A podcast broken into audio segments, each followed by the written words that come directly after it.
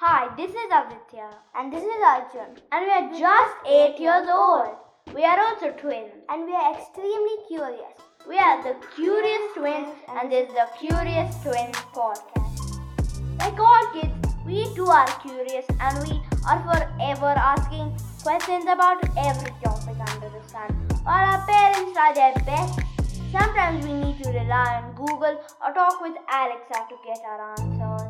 And so we thought, why not share our questions and answers with other kids like you? We bring you answers to questions that you might have wondered about and also answers to questions that you never even thought about. So sit back and relax and enjoy the Curious Twins podcast.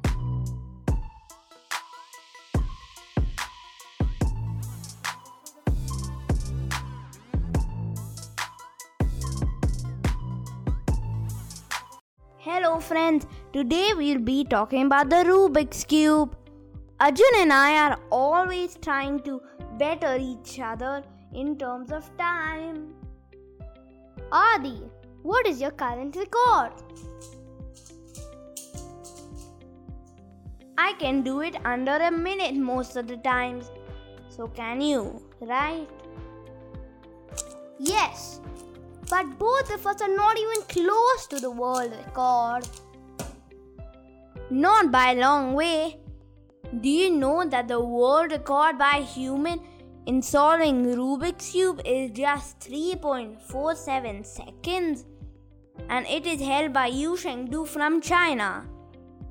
He beat the record of Felix Zemdegs from Australia by 0.75 seconds. But how is the world record calculated? What if you just get lucky? Yes, you are right. He might have lucked out. And that's why there is a world record for average timings for 5 tries as well. This is held by Felix Zemdegs from Australia and it is 5.53 seconds. Of course, all these records are only valid for humans. What do you mean? Can machines solve cubes faster? Yes, robots can solve it much faster.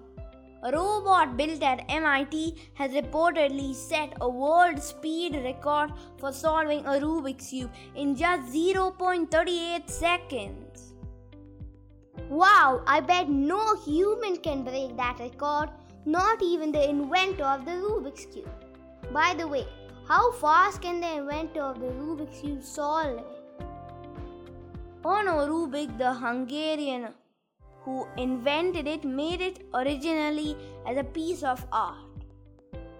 He was a professor of architecture and he made it to explain geometry to his students. His first cube was made with wood blocks and paper clips.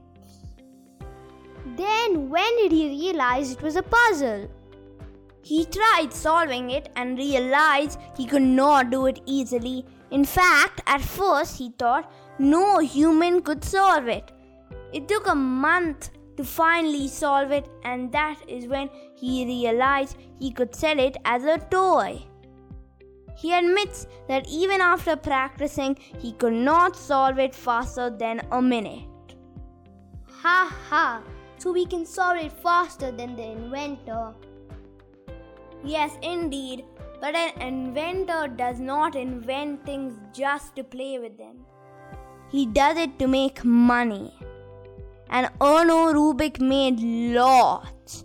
Do you know that over 400 million Rubik's Cubes have been sold? 400 million!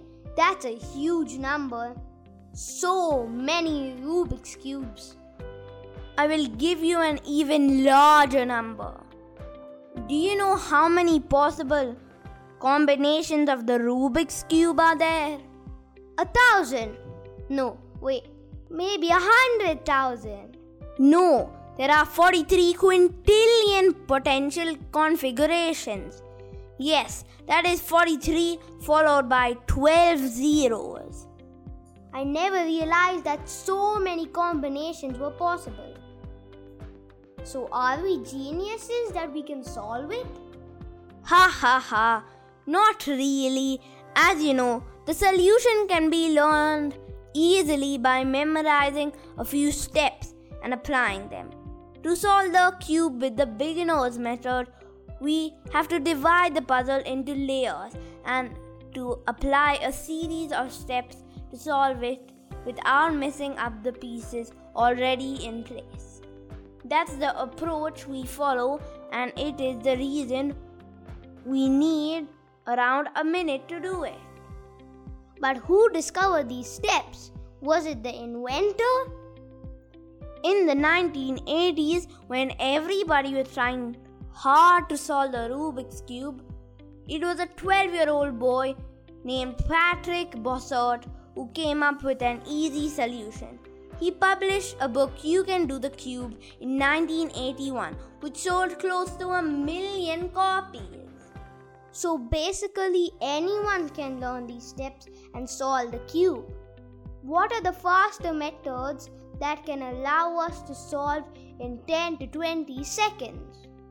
Well, even the beginner's method is not that easy. It takes a little work to memorize those rules, but some people can do it without following those steps. They practice so many times that they just know what to do.